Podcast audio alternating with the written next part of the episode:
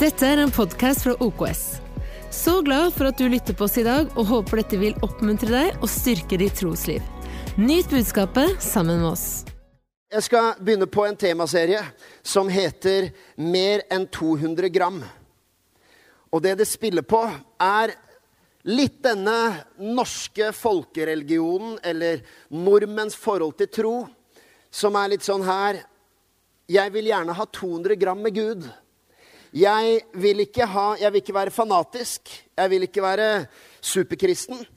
Jeg vil ikke nødvendigvis ha noe som forandrer mine planer og prioriteringer. Jeg vil bare ha akkurat nok Gud til å komme meg gjennom de vanskelige øyeblikkene. Det er det den overskriften spiller på. Mer enn 200 gram. Men i dag er det del én, og jeg har kalt den 'En helt ny start'. Det er deilig. Vi kan trenge en ny start. La oss lese Johannes 3 og vers 1-8. Det var en mann som het Nikodemus. Han var fariseer og en av jødenes rådsherrer. Han kom til Jesus om natten og sa, 'Rabbi, vi vet at du er en lærer som er kommet fra Gud, for ingen kan gjøre de tegnene du gjør, uten at Gud er med ham.' Før vi leser videre, du må forstå hvor spesielt dette er. Fariseerne var jo stadig i konflikt med Jesus, og Jesus konfronterte de stadig vekk for deres dobbeltmoral, for deres fasade og for deres ytre praksis og ytre religion, men likevel harde hjerter osv. Så, videre. så det er egentlig veldig kontroversielt at en som Nikodemus henvender seg til Jesus, og det er antageligvis derfor han gjør det om natten. Det er litt diskré, det er litt i det skjulte. Det er, ikke, det er ikke en offentlig avtale. Det er ikke på Lindmo. Dette er i, i, litt i det skjulte. Og han henvender seg til Jesus og tiltaler ham til og med med rabbi. Veldig uvanlig for en fariseer som er skolert, og som har utdanningen, og som har diplomet og papirene på plass, å si til Jesus, som ikke har den utdanningen, å kalle ham rabbi, læremester. Så han kommer egentlig i veldig ydmykhet, kan det se ut som. Men han kommer også litt sånn kanskje Litt som likemann, liksom. Jeg er jo rabbi, og nå anerkjenner jeg deg som rabbi. Nesten kanskje litt ovenfra og ned òg, ved å si det. Det er litt sånn Jesus, jeg, jeg vet du får mye kritikk, men jeg syns du er flink. Det er litt sånn han sier. Vi, er, vi, har, vi, har, vokst opp her i huset, og det er artig. Det er ikke noe vondt i dette her, men det er, det er litt sånn artig når man er 41 år. Og så er det noen som kjente oss og var kanskje barnevakt for oss når vi var 11 og 12 og, og 8 og 9 år, ikke sant? på Mikkels alder. Um, og, så, og, så, ser de oss nå som voksne, så er det av og til kan det få en sånn Å, så flinke dere er. de, I hodet dem så er vi fortsatt åtte år, ikke sant? Det er utrolig. God pastor. Men, men det, jeg skjønner at det er bare raust ment. Men det, det, er kanskje litt i den atmosfæren rabbien, læremesteren, eh, fariseeren kommer. Han er en del av, av, av, eh, faris, altså av jødenes rådsherrer. Dette her er et styremedlem. Dette er en høyt respektert mann. Dette er en rik mann. Dette er en gift mann. Dette er en mann med status. Dette er en mann som har lyktes. Og han kommer til Jesus og kaller ham rabbi. Og smigrer han litt. 'Vi vet at du er en lærer som er kommet fra Gud.' 'Ingen kan gjøre de tegnene du gjør, uten at Gud er med ham.' Det er egentlig litt sånn Kanskje vi skal snakke sammen. Kanskje vi har litt til felles. Så kommer Jesus. Jesus svarte, 'Sannelig, sier jeg deg, den som ikke blir født på ny, kan ikke se Guds rike.' Det er en brutal avvisning av Nikodemus' invitasjon. For han kommer Kanskje vi har noe til felles? Skal vi snakke sammen? Jeg er en rabbi, og nå anerkjenner jeg deg som rabbi. Og Jesus sier du må starte helt på nytt. Du trenger en ny start. Du må forkaste alt du tror om religion, om Gud, om din egen vei til frelse. Du trenger å bli født på nytt. Og så sier han, eh, Nikodemus, 'Hvordan kan en som er gammel, bli født?' sa Nikodemus. 'Kan noen komme inn i mors liv igjen og bli født for andre gang?' Jesus svarte, 'Sannelig, sannelig, sier jeg deg, den som ikke blir født av vann og ånd, kan ikke komme inn i Guds rike.' Det som er født av kjøtt, er kjøtt, men det som er født av ånden, er ånd. Undre deg ikke over at jeg sa til deg, dere må bli født på ny. Altså, det er ikke bare til Nikodemus. Han sier, dere må bli født på ny. Vinden blåser dit den vil. Du hører den suser, men du vet ikke hvor den kommer fra, og hvor den farer hen. Slik er det med hver den som er født av ånden. Wow. Det her er alltid sånn med Guds ord at det er eh, noen ting som er åpenbart, og noen ting som er litt sånn, ting Jesus sier som er litt kryptisk. Men nå er det søndag. Vi skal kose oss med Guds ord. Er du klar? Det er litt sånn, også, Jeg vet at vi har litt ulik møtekondis. Noen kunne syntes at det varte i tre-fire timer og ikke syntes det var nok. Andre syns det er mer enn langt nok. Men nå må du liksom, om du har notatsaker eller ikke, sett deg litt til rette. Åpne opp popkornet. og kos deg med Guds ord. Bare ikke la Katrine poppe popkornet. For da har det en tendens til å bli svart. Men vi går, vi går videre i Han sier 'født på ny'. Det uttrykket 'født på ny' Vanligvis, i hvert fall i, i våre kristne kretser, så tenker man kanskje at den som trenger å bli født på ny, og til og med de ikke-kristne som kjenner til det uttrykket, vil tenke at du blir født på ny, det er et konsept som gjelder mennesker med virkelig behov for totalforvandling. Kanskje en kriminell, kanskje en som virkelig har møtt veggen, kanskje en rusmisbruker, noen som til og med i kristen forkynnelse kan vi liksom være frimodige med å si at du trenger å bli født på nytt til en som virkelig ser ut til å trenge det. Men her kommer Nikodemus. Rik, respektert, moralsk, høy status. Og han er i tillegg ikke så sidrumpa som de andre fariseerne. Han er ydmyk nok til å være åpen for hva Jesus har å si. Det er en drømmeforbilde. Og da tenker jeg litt sånn her Jesus, vær strategisk nå. Kom igjen. Nikodemus, det er et bra navn å få på lista. Det er, det er, en bra form. Alle skjønner at Ikke krev nå av Nikodemus at han også må bli superkristen. Jeg skjønner det med de 12, den der folkehøyskolegjengen de av bønder og fiskere. Det er liksom den eh, gruppe på teamtur. Uh, ikke sant? Og som, eh, jeg skjønner at du kan si til dem 'forlat alt og følg meg'. Men vær strategisk nå med Nikodemus. Ikke ødelegg det. Ikke vær, Jesus, ikke vær så overtydelig som det av og til har vært med de blinde og de fattige og de utslåtte og sånne ting, eh, det er ikke skrem bort Nikodemus. Kan det være at vi til og med som kristne ledere av og til tenker sånn? At vi er frimodige med en som ja, du trenger åpenbart en ny start. Mens andre så er vi litt sånn Å, vi er heldige om vi hadde fått deg med. Men Jesus tilbyr ikke noe light-medlemskap til Nikodemus. Og ikke vær redd hvis du tenker at kommer det en sånn radikal du må gi alt-preken. Nei, dette her er nydelig. Det er av nåde, det som Jesus beskriver for Nikodemus. For han sier til Nikodemus at du trenger en helt ny start. Jeg vurderte å kalle det budskapet her evangeliet for de normale. Og Nå valgte jeg ikke å kalle det det, og det er ikke sånn at hver og en av oss nødvendigvis har samme status som Nikodemus. Men de fleste av oss, de fleste nordmenn, majoriteten, liker å tenke at man er ordentlige folk. Det er veldig få som vil erkjenne og Tvert om, som vil erkjenne enten man kommuniserer på sosiale medier, eller man søker på en jobb, eller man kommer inn i et nytt miljø, eller man kommer inn i en kirke. Det er veldig få som kommer og vil blottlegge seg og si 'Hei, jeg trenger en helt ny start'. Jeg, jeg trenger en rekonstruksjon av hele livet mitt. Kanskje man av og til vil tenke det, men de fleste vil presentere seg sjøl som ordentlige folk. Vi har det ganske på stell. Vi har fått det greit til. Og det er der det kommer inn denne tanken om Men kanskje jeg kan trenge 200 gram med Gud? Kanskje, kanskje, det kan hjelpe meg enda litt mer, for jeg har jo noen tøffe dager innimellom òg. Og det hadde vært godt å ha noe å lene seg på og trøste seg til i vanskelige dager. Jeg fordømmer jo ingen som kommer med den tilnærmingen. Jeg tenker all åpenhet for Gud er en nydelig start. Og det er ikke sånn at vi skal kverulere på det osv. Men Nikodemus, som kommer på den måten her, han er litt åpen for Jesus. Det er fint. Men Jesus, han utfordrer. Det er som om Nikodemus kommer, og dette er punkt én, født på ny betyr en helt ny start. Fordi Nikodemus kommer litt sånn til Jesus som at eh, Kan jeg, Jesus, få laste ned den appen du har? Og Jesus sier, 'Jeg har ikke noen app å laste ned. Du skal få en helt ny telefon.' Du skal få et nytt operativsystem. Av og til er det sånn våre bønner er Gud. Kan jeg få den lille appen av evangelium? Mens Gud sier, 'Jeg skal rearrangere hele opplegget. Hele operativsystemet.' Mer enn 200 gram forbedring med Jesus. Det er mer enn litt åndelig utvikling, men det er faktisk en ny start. Han sier i vers 3.: Den som ikke blir født på ny, kan ikke se Guds rike. Hør på dette her, for han sier i, i vers 5 så snakker han om at den som ikke blir født av vann og ånd, kan ikke komme inn i Guds rike. Men han sier også at den som ikke blir født på ny, kan ikke se Guds rike.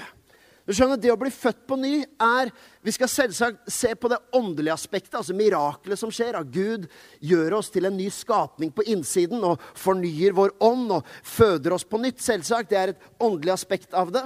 Men det er også et mentalt aspekt om å tenke helt nytt hvis ikke du blir født på ny. Du kan ikke se Guds rike.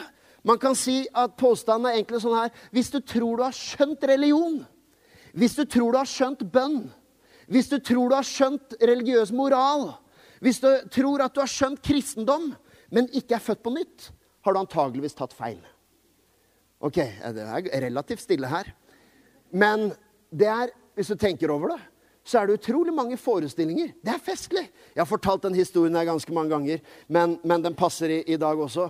Hvor, hvor eh, når jeg er i ulike sammenhenger hvor man er med ikke-troende, så er det festlig å se reaksjonen når jeg forteller at jeg er pastor. Jeg har mange gode historier. Jeg kan, kan ikke fortelle alle. Men uh, noen kan jeg aldri fortelle. Men jeg har uh, Det er spesielt en anledning som jeg husker uh, i et selskap, et bryllup. Og så havner jeg ved siden av en som, da, som er veldig nysgjerrig og åpen. Og, og, han, han, liksom ja, du, Når jeg da forteller at jeg jobber som pastor, så liksom ser han på meg Å, ja. Jeg, jeg, jeg sponser et fadderbarn, jeg. Som Eh, liksom, det er hans eh, spontane respons. Og det er, det er herlig fra hans Det er litt som Nikodemus. Kanskje vi har noe til felles? Jeg er også opptatt av moral. Jeg er også opptatt av å være et godt menneske. Og egentlig, Jeg, jeg turte ikke å si det, men jeg tenkte det. Du er helt på villspor. Vi har ingenting til felles fordi du sponser et fadderbarn. Du må starte helt på nytt. Du må bli født på nytt. Du må forkaste forestillingen du har om religion. Det Jesus kommer med, er totalt annerledes. Og, jeg, og jeg sier ikke det i en ovenfra ned, og folk er dumme som ikke har sett det. Jeg er jo sjøl en som er fullstendig blind for Jesus og hvem han er, og hva han har gjort for meg, hvis ikke jeg hadde opplevd å bli født på ny. Da hadde jeg også vært like blind.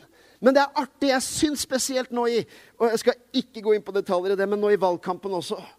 Så er det nesten som om hvor mye Nikodemus-tilnærming det er. Um, da tenker jeg spesifikt på de politikerne og de anledningene man ønsker å vise at vår politikk er kristen. Og vi vet at vi har et kristelig parti osv., men, men liksom alle partiene over hele linja Plutselig i valgkampen så skjønte man at oi, de kristne er jo en viss, sånn, viss gruppe å sanke stemmer i. Så plutselig var det ikke måte på hvor kristne alle var. Og De sa jo Jesus hadde stemt oss, for han var opptatt av det. Og nei, Jesus hadde stemt oss, for han ville gjort sånn. Og nei, han er opptatt av, er opptatt av individet, så han ville stemt blått. Og nei, han er opptatt av de fattige, han ville stemt rødt. Det er utrolig hvordan man, man tar Jesus til inntekt for et eller annet moralsk ståsted. Og jeg, jeg, sitter ikke i moralsk overlegenhet overfor dem. Jeg bare sitter og tenker Å, om dere visste hvem Jesus var. Du kan ikke plassere Jesus et eller annet sted på en politisk skala. Jeg sier ikke at det ikke fins verdier å kjempe for. Det gjør det. Absolutt. Jeg bare sier at personen Jesus, når det kommer til å bli født på nytt Du må forkaste hele det konseptet. Du veit ikke hva du prater om før du er født på nytt. Så forstår du at oi, det her var ikke 200 gram ekstra på toppen av mitt fantastiske CV, min fantastiske historie, min fantastiske moral, min overgivelse, min omsorg for de som lider. Og på toppen av det så kanskje Jesus kan tilføre meg noe. Det er faktisk sånn at det å komme til tro på Jesus Jesus bruker et veldig radikalt ord. Han sier at 'den som vil følge meg, må fornekte seg selv'. Hva betyr det? For det mange hører da, er litt sånn selvforkastelse. Ja, jeg må liksom ned i støvet og, og nesten plage meg sjøl. Det ordet 'fornekte' betyr simpelthen å si nei. Det ordet blir brukt mange, mange anledninger, både i det gamle eh, rotordet blir brukt i Det gamle testamentet, og det blir brukt i Det nye testamentet. Og sammenhengen er nesten alltid eh, nei. Sånn er det ikke. Så det er ikke en selvfornektelse i den forstand at du må, du må, hvis du bare lever asketisk nok, så vil Jesus akseptere ditt disippelskap. Det er at du må benekte din egen vei til frelse.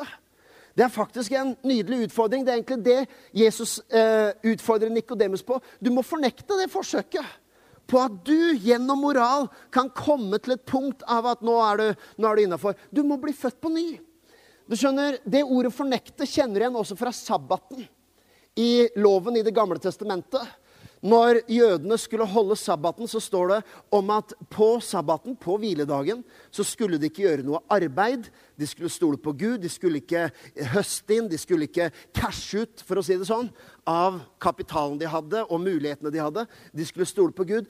Og så blir det ordet brukt 'fornekte'. Man må fornekte seg selv på sabbaten. Hva er det for noe? Betyr det at du må ned og, og, og pine deg sjøl? Nei, det er du må fornekte din egen prestasjon og ditt eget håp om å få til noe. Du må fornekte deg selv og stole på Gud. Så Det er rart hvordan det ordet den som må, den som må følge Jesus, må fornekte seg selv, har nesten bare noen har tolket det som at ja, det betyr at jeg må være enda mer overgitt og enda mer seriøs og enda mer alvorlig. Mens det betyr det motsatte. Du må fornekte at du har noe som helst å bidra med. Du må tenke nytt og forstå at det eneste som kan skje, er at du blir født. Og det har ikke du noe med. Du har ikke så stor påvirkning på en fødsel når du er baby. Det er ikke noe du har gjort, det er en frukt av hva noen foreldrene dine har gjort. Akkurat som det å tro på Jesus og bli frelst er ikke en frukt av noe du har gjort, det er en frukt av hva Gud har gjort. Det er han som føder, den som ikke blir født av vann og ånd. Og det er derfor jeg sier, uten å bli født på nytt, så skjønner man ikke Jesus. Skjønner ikke Guds rike. Vær så snill, og alle kristne, og du som har ikke-kristne naboer og, og, og, og kollegaer osv. Eh, det, er ikke, det er ikke uten videre lett i møte med mennesker og umiddelbart konfrontere folk på den måten Jesus gjør. Og det er ikke det jeg sier du skal gjøre heller. Du må være vis og klok og åpen. Og kristne bør kanskje av og til ikke bare tenke på alt de skal si, men være åpne for å lytte litt. Og få tak på hva, er det hjertet deres roper etter? Hva er, det, hva er det de er opptatt av? For vi har ikke bare budskap å formidle. Vi har svar på spørsmål mennesker har. Så la oss lytte litt til spørsmålene. Men jeg tror mange nordmenn er litt som Nikodemus. Jeg er ikke religiøs, men jeg har jo litt sant for Jesus. Jeg føler jeg har noe til felles med han. Av og til, Jeg beklager å si det, og jeg sier deg, du må forstå litt sånn snakkemåten min her. Vi, vi liksom, dette er ikke ord du skal bruke nødvendigvis i en debatt eh, i klasserommet, eller noe annet. Men på en måte, hvis man tror at jeg jeg, ok, jeg er ikke kristen kanskje, eller superreligiøs, men jeg liker Jesus og jeg har noe til felles med han, så er man på én måte på en måte er man lenger borte fra Jesus enn den som forakter ham og forkaster ham og sier at jeg vil ikke ha noe med han å gjøre. Man er på en måte lenger borte fordi man tror at sin egen moral og sin egen vei bidrar. Det at jeg har et fadderbarn, det gjør meg litt nærmere Jesus. Jesus tilbyr ingen moralsk innsats som vei til å bli født på ny, eller som vei til frelse. Amen. Her er nummer to, som jeg egentlig aldri har vært inne på. Du har ingen kontroll over din egen fødsel. Det hadde vært digg å sagt at det, var, det er greit for meg å bli født. Jeg ble født på Flekkefjord sykehus. Tenk det. Vi bodde der bare i ett år. Vi flytta derfra, og det har jeg takka Gud for mange ganger. Det er et fint sted, altså. Flott sted å besøke. Men ja, jeg tror jeg skal gi meg der. Men jeg pleide å si det. Livet mitt starta med jordmor som tok meg imot og sa 'velkommen til Flekkefjord'. Sånn begynte det. Og så flytta vi derfra til Oslo. Men det hadde vært flott hvis man, hvis man kunne sagt det er greit for meg å bli født, men jeg vil gjerne ha brunt hår. Jeg vil gjerne bli A-menneske. Jeg vil gjerne ha anlegg for litt praktiske ting. Da er det greit for meg å bli født. Du skjønner, Det er sånn mange snakker om eh, og tro, kanskje håper at det er sånn det er å ta imot Jesus. Jeg er sikker på at alle som er kristne, har opplevd det spørsmålet her noen gang. Eh, må jeg gjøre sånn og sånn for å bli kristen? Jeg vet ikke hvor mange ganger jeg har fått spørsmålet i tenåra og egentlig som voksen Må jeg slutte å banne hvis jeg skal bli kristen? Og jeg sier ikke Nei da, jeg gjør ikke det. Men de spør må jeg slutte å banne. Og her, nå må du være med meg på tankerekka. For det er sånn her at på en måte så er det lett å si nei. Du trenger ikke slutte å banne for å bli en kristen. Det er ikke det det går på. Du trenger ikke slutte å røyke. Du ikke, det, er, det er ikke noe liksom, ting du må gjøre for å bli en kristen. Du må tro. Det er på en måte lett å svare. Men samtidig så er konseptet med å bli født er at du har ikke kontroll over hvem du blir. Og en person som blir født, får ikke en personlighetsvalgmeny. Og hvis du sier ja til Jesus, så, er, så du vet ikke hva Gud kan finne på, for å si det sånn. Det er han som føder deg på nytt. Og du vet ikke hva han kan gjøre i deg og gjennom deg. Så nei, jeg vil alltid svare nei hvis folk spør må jeg slutte å banne for å bli en kristen. Jeg sier nei, absolutt ikke. Det er ikke det, er ikke det Jesus krever. Samtidig så er det umulig å komme til Jesus og si OK, jeg vil bli en kristen, men jeg vil beholde banningen. Det er den tankegangen Nikodemus blir utfordra på. Jeg vil ha 200 gram Jesus. Jesus sier beklager. Du har bare nåde å ta imot. Ingen prestasjon. Så du kan verken om du slutter eller begynner å banne, ha ingenting å si for frelsen. Men du, kan, du, er heller ikke i posisjon til å sette betingelser. Fordi du skal bli født på nytt. Du skjønner, Det er ikke en liten åndelig forbedring. Jeg er blitt et nytt menneske. Forstår du det? Jeg er et nytt menneske. Og jeg snakker nå både selvsagt til deg som ikke helt vet hva du tror på, og som er i en prosess, men ikke minst snakker jeg også til oss som troende. Akkurat som du kan bekjenne alt annet du har fått i Jesus Kristus. Av frelse, av rettferdighet, av helliggjørelse, av, av, legedom og styrke og forsørgning. Så er det også en nydelig åpenbaring å si at jeg, jeg, er ikke liksom bare litt forbedring. Jeg er en ny person. Jeg er ikke den jeg hadde vært. Jeg er ikke den jeg var. Jeg ble født på ny. Jeg har fått et nytt liv. Det er jo ofte sånn når vi vil at Gud skal gjøre noe i oss og gjennom oss. Dette er helt OK. Men dette er tanken. Kanskje til og med eh, hva skal jeg si, hvis, eh, jeg i dag hadde prekt om en helt ny start, så er kanskje, hvis du hører overskriftene 'helt ny start', så er vår vanlige respons er å tenke ja, en helt ny start. Det kan jeg trenge på det området. Jeg kan trenge en ny start på kanskje økonomien. Jeg kan trenge en ny start i mitt bønneliv. Jeg kan trenge en ny start på dette feltet. Og relasjonelt vil jeg gjerne ha en ny start. Alt det er ok, fordi Gud har gitt oss bønn som et redskap. Amen. Så vi kan være frimodige og spørre Gud om hva vi vil for konkrete ting på ulike områder i livet. Men dette å bli født på nytt er noe annet. Det er egentlig ikke sånn at du kan si 'Gud, jeg vil bli født på nytt på det området'. Nei. Og sånn er jo ofte forbønn. Etter hver gudstjeneste har vi forbønn, og det skal vi gjøre i dag også, og det er mulig. Men, men all forbønn er jo liksom gjerne på våre premisser, ikke sant? Hva ønsker du forbønn for? Er du med meg? Det er ikke noe galt i det. Ingenting galt. Men kan du se hvordan Det er også litt sånn Litt kanskje konsekvens av kulturen. Vi er vant med valgmeny. Vi går på Mækkern. Eller andre går på Mækkern, jeg går ikke dit. Men, men de, de, du kan trykke på en valgmeny. Eller jeg gjør jo det med familien. Fordi jeg elsker de så høyt.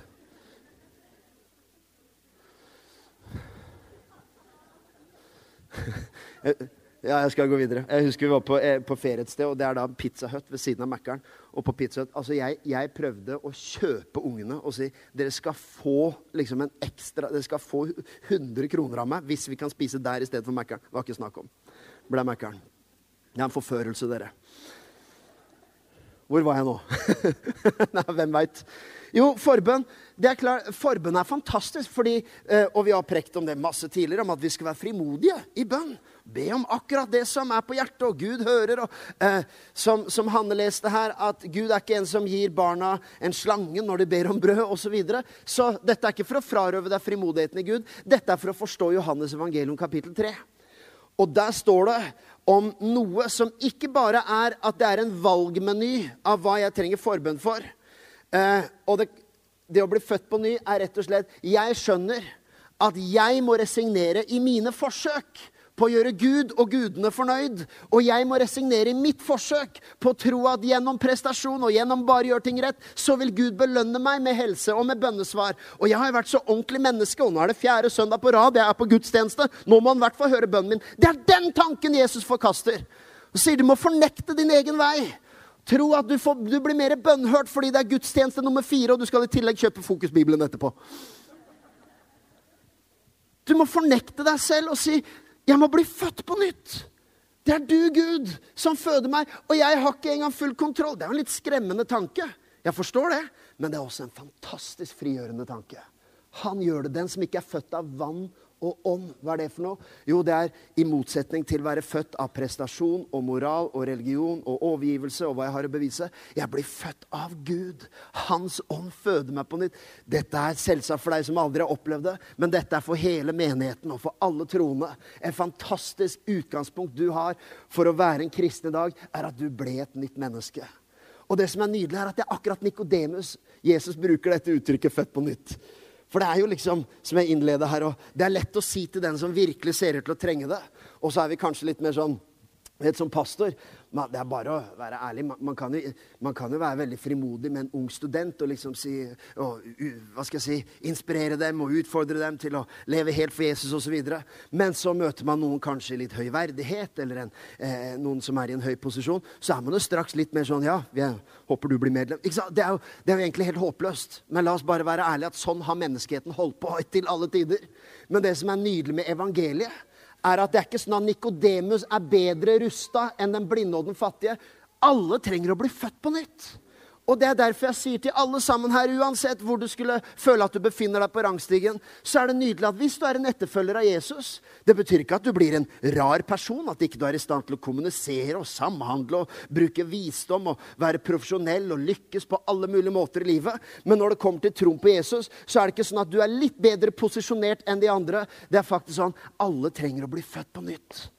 Vi er blitt nye mennesker i Jesus Kristus. Det er ikke 200 gram. Du skjønner, jeg vet at det å,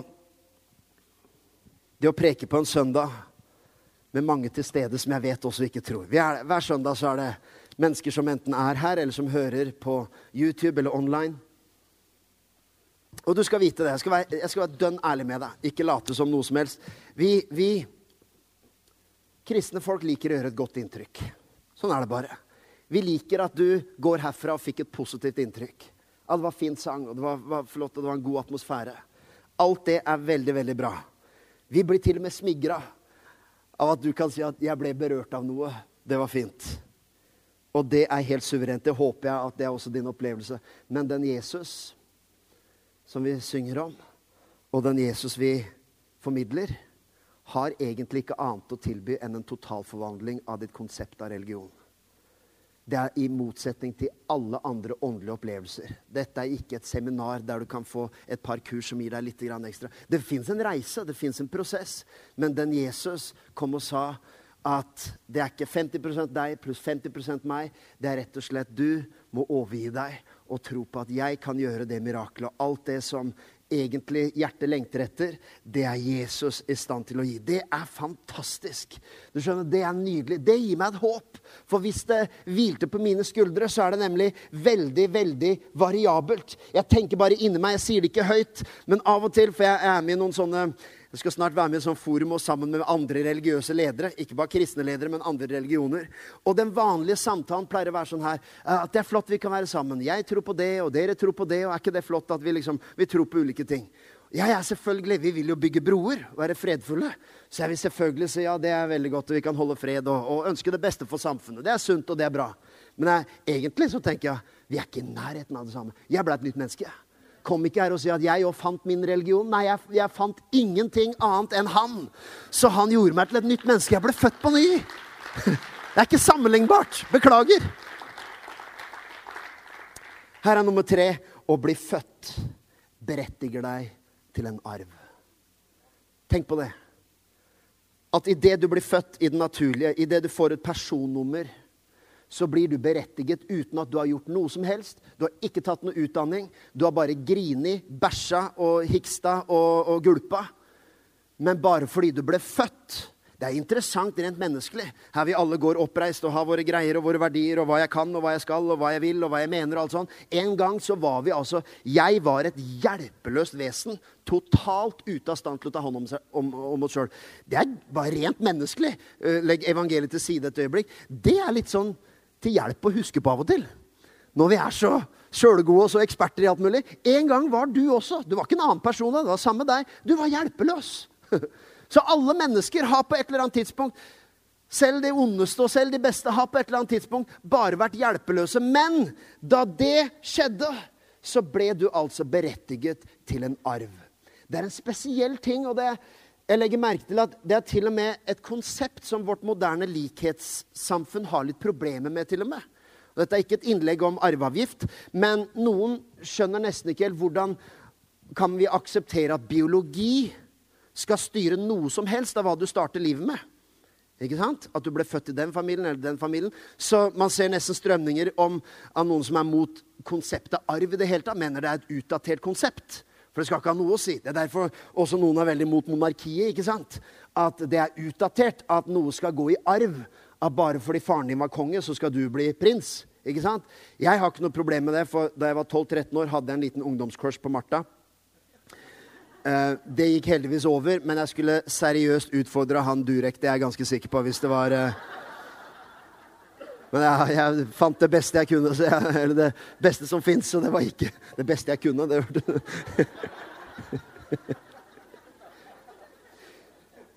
Skjønner, Vi kan slite med å skjønne konseptet arv. Men tenk på det. En arv er noe jeg blir berettiget til, som både påvirker meg i fremtiden, men egentlig påvirker meg i dag, og som har null niks å gjøre med hva jeg har levert til bordet.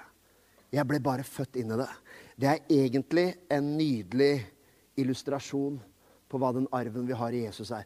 Bibelen er ikke redd for konseptet arv. Verken i den åndelige arven, men heller altså, Det er Abrahams, Isaks og Jakobs Gud. Det finnes positive ting ved arv. At noe som var en styrke, og noe som også var en åndelig gave i en slekt, i en familie, kan påvirke barna og barnebarna. Det var nydelig. Nå i helga var jeg med en som en, eh, i Kristiansand. og eh, fikk vite at han som leder lovsang der, er en fantastisk dyktig fyr. Jeg ante ikke det, men han er jo da eh, barnebarnet til, broren til Ludvig Carlsen, som kommer fra en slekt med en arv. Med en vanvittig arv i å bringe håp og gjenopprettelse for mennesker i nød osv. Der står han og leder lovsang. Bibelen har ikke noe problem med arv. Ja, men er ikke det urettferdig? Vel, Gud har ikke noe problem med at fordi du blir født inn i noe og Nå snakker jeg ikke om fysisk etternavn, nå snakker jeg om nåden. Nå er vi tilbake i evangeliet her, som sier at fordi du ble født på ny så er det ikke bare den emosjonelle opplevelsen, og det føltes godt, og det var fantastisk. Du er blitt berettiget til noe uten at du har prestert noe som helst. Før du har meldt deg inn, fylt ut et medlemskapsskjema, før du har fylt ut et medarbeiderskjema, før du har gitt en krone på VIPS, så er du berettiget til at alt det Gud har, tilhører deg. Du har hans rettferdighet. Du blir gitt hans hellighet. Du blir gitt hans ressurser. For arv er både, det er både eiendom og ressurser, men det er også en biologisk arv. Så du ligner på Gud på, i den forstand. Det er avstand mellom oss, mellom at nettopp Jesus har alt, og jeg har ingenting. Men når jeg blir født på nytt, så er det sånn at jeg får et arvemateriale i meg som gjør at jeg bærer også guddommelig natur. Det gjør meg ikke arrogant og bedrevitende. Det gjør meg enormt ydmyk, for jeg vet at jeg fikk det uten at det var mitt bidrag overhodet. Vi har fått en arv, og det er akkurat dette Paulus sier også i Titus 3. Vi nærmer oss slutten her nå straks. Da Guds, vår frelsers godhet, Titus 3, vers 4-7. Da Guds, vår frelsers godhet og kjærlighet for menneskene ble åpenbart, frelste han oss ikke pga. rettferdige gjerninger vi hadde gjort. Det er så nydelig vers at jeg må lese det litt saktere. Da Guds, vår frelsers godhet og Der står det kjærlighet til menneskene. Menneskekjærlighet. Filantropos du har hørt ordet filantrop. Det er det ordet som ble brukt her. Menneskekjærlighet. Da Guds filantropi ble åpenbart, hans kjærlighet til menneskene, da frelste han oss. Ikke pga. rettferdige gjerninger Nikodemus og vi hadde gjort, men etter sin miskunnhet ved gjenfødelsens Jeg vet det er litt sånn komplisert ord, men dette er akkurat det samme Jesus sier til Nikodemus. Ved gjenfødelsens og fornyelsens bad ved Den hellige ånd. Du ble født på ny gjennom et bad av Den hellige ånd, noe Gud gjorde, som han rikelig øste utover oss ved Jesus Kristus, vår frelser, for at vi, etter å ha blitt rettferdiggjort av ved Hans nåde, skulle bli arvinger ifølge håpet om evig liv. Han snakker om gjenfødelsens og fornyelsens bad, og hvordan det leder oss til å bli arvinger. Uansett hva din fysiske og biologiske arv er. Om du ikke har noe spesielt å arve. Du vet at i min familie, min slekt, så er det ikke noen ressurser eller den typen arv å hente ut. Vel, til deg har vi en oppmuntring, og det er at du har en mye større arv. Du er arving i en kongeslekt. Du er arving til den største rikdommen som menneskeheten bare kan drømme om. Du er arving til Gud, og det han har, tilhører deg. Til deg som har en stor arv, og som vet at, eh, at, i min slekt og min familie så kommer de til å overlate meg mye, så er det både en oppmuntring, men også en utfordring at du har også en arv som er viktigere enn den arven. Og det er den arven du har i Jesus Kristus. Jeg skal hoppe til det siste punktet. Og uh, Nummer fire var å bli født på ny er både en hendelse og en prosess. Jeg rekker ikke å ta den nå, men bare legg merke til veldig kort, mange ting Gud gjør, skjer én gang. Du, ble, du, blir døpt i Den hellige ånd én gang i Apostlenes gjerninger. De ble døpt med Den hellige ånd. Det skjedde. Men så er det en gjentagende opplevelse av å bli fylt med Den hellige ånd. Du blir rettferdiggjort. Du blir gjort rettferdig, hellig, ren, fullkomne Gud én gang. Men så er det en stadig vekst og vandring i å bli det du allerede er. Sånn er det å bli født på nytt. Det skjer bare én gang. Det er ikke sånn i dag skal vi liksom invitere deg til å bli født på nytt en gang til. Det har skjedd én gang. Men det er også sånn at bevisstheten, forståelsen, oppdagelsen, det vissheten om at jeg er blitt et nytt menneske, den arven, den tilhører jo alle. Og jeg vet Det er en sånn klassisk illustrasjon, men det er jo litt sånn her, det hjelper ikke hvis ikke du vet om arven. Det hjelper ikke. Du, du, går ikke med noe mer verdighet hvis du ikke aner hva du er berettiget til. Så man kan si at Gud vil aldri belønne deg med mer bønnesvar fordi du blir liksom mer eh, overgitt. Men det er sånn at din tro og visshet om hvem du er, og din forståelse av at du er født på nytt, vil for alt i Guds rike blir forløst ved tro, den vil også forløse en tro på det Gud gir, og det Gud har. Forsto du kontrasten mellom det? Det er ikke at Gud belønner deg fordi nå er, jeg liksom, nå er jeg mer dedikert, men det er sånn at du ser mer av Gud fordi du får din identitet på rett sted. Så det er en hendelse og en prosess, og vi går til den femte og aller siste, og da kan bandet gjerne komme opp og backe meg her. Enhver fødsel skjer i smerte. Det veit jeg. Vi har, født, vi har født tre barn. Den første varte spesielt lenge. Theodors fødsel den var lang og vond. Jeg satt på en så hard stol hele natta. Det var kjempetreigt internett. Og eh, vond kaffe, og det var, det var ikke noe gøy.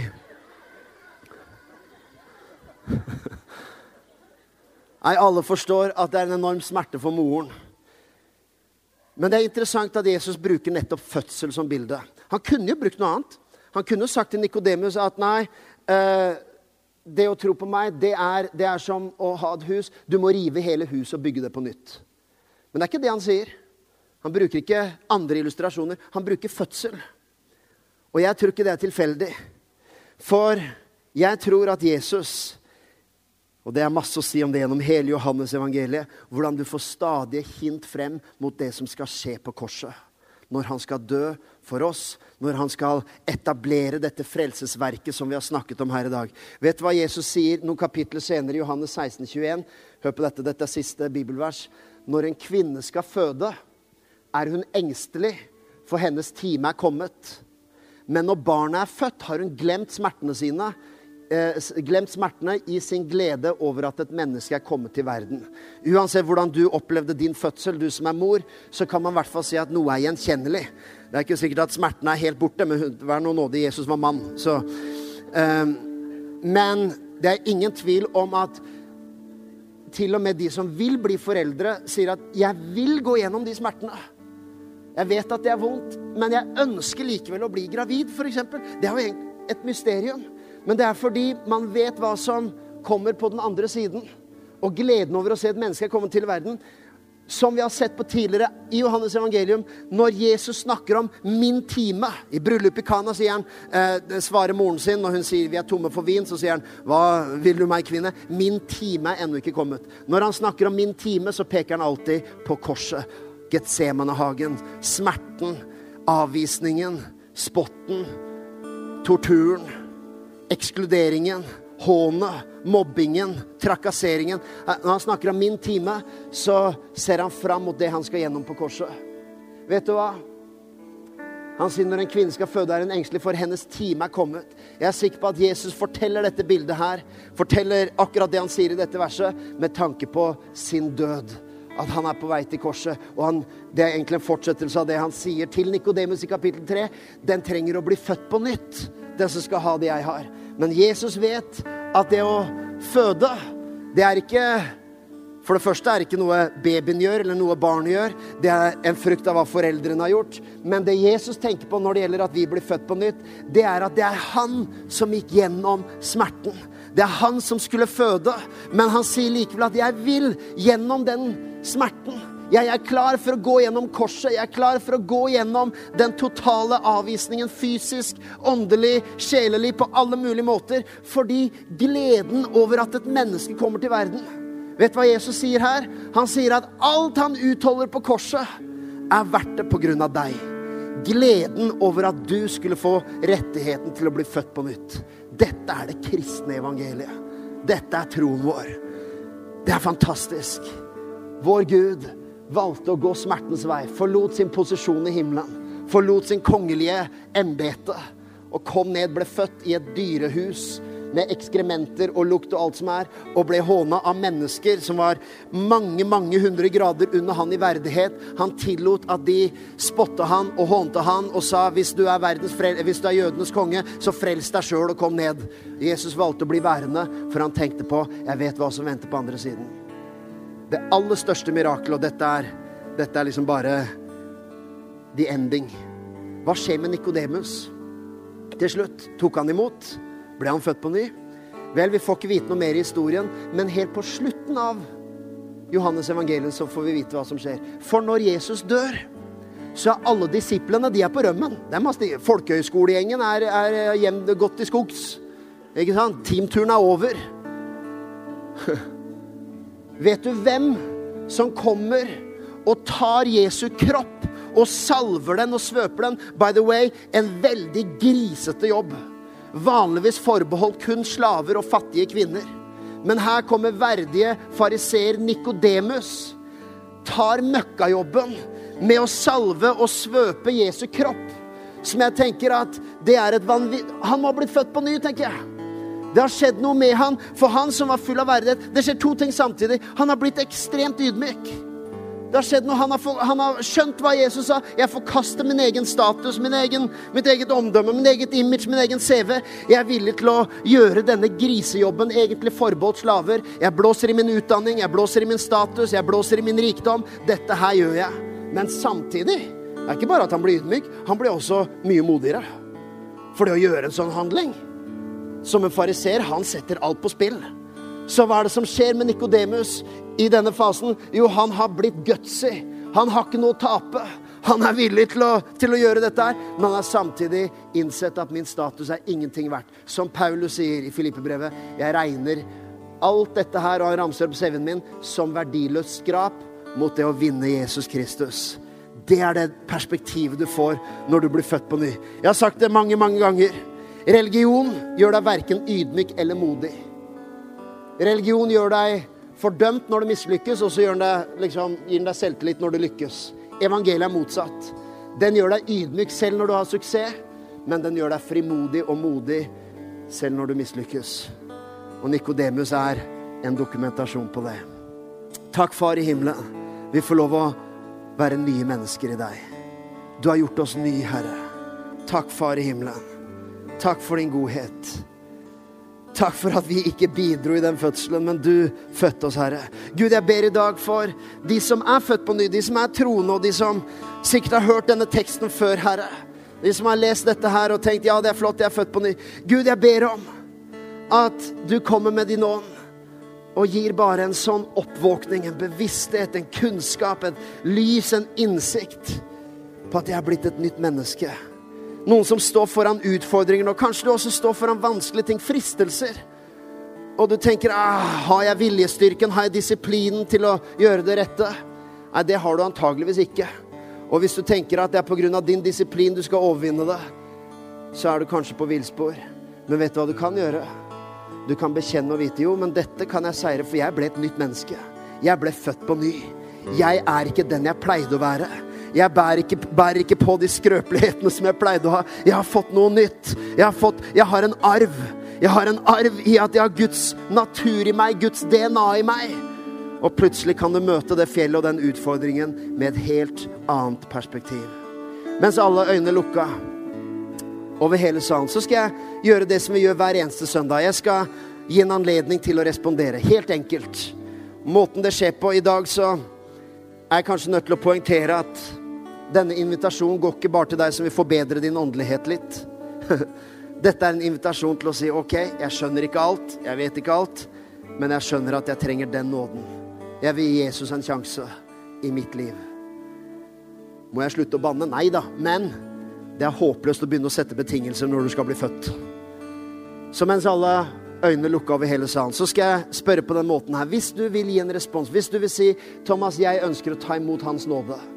Jeg ønsker å gjøre som Nikodemus, som kanskje måtte tenke litt, undre litt og, og, og lurte litt, men som endte med at han sa at jeg tar imot den nåden denne rabbien, denne Jesus forteller om. Kanskje du aldri har vært en kristen? Eller du har hatt en barnetro, ungdomstro. Kanskje en tro basert på helt feil grunnlag.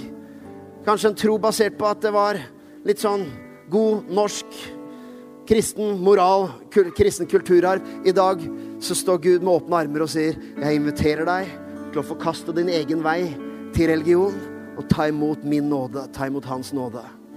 Enten du aldri har vært en kristen, eller du vil komme tilbake igjen og hjem til en gud som du har distansert deg fra, så skal jeg om et veldig kort øyeblikk så skal jeg spørre om du vil rekke opp hånda di.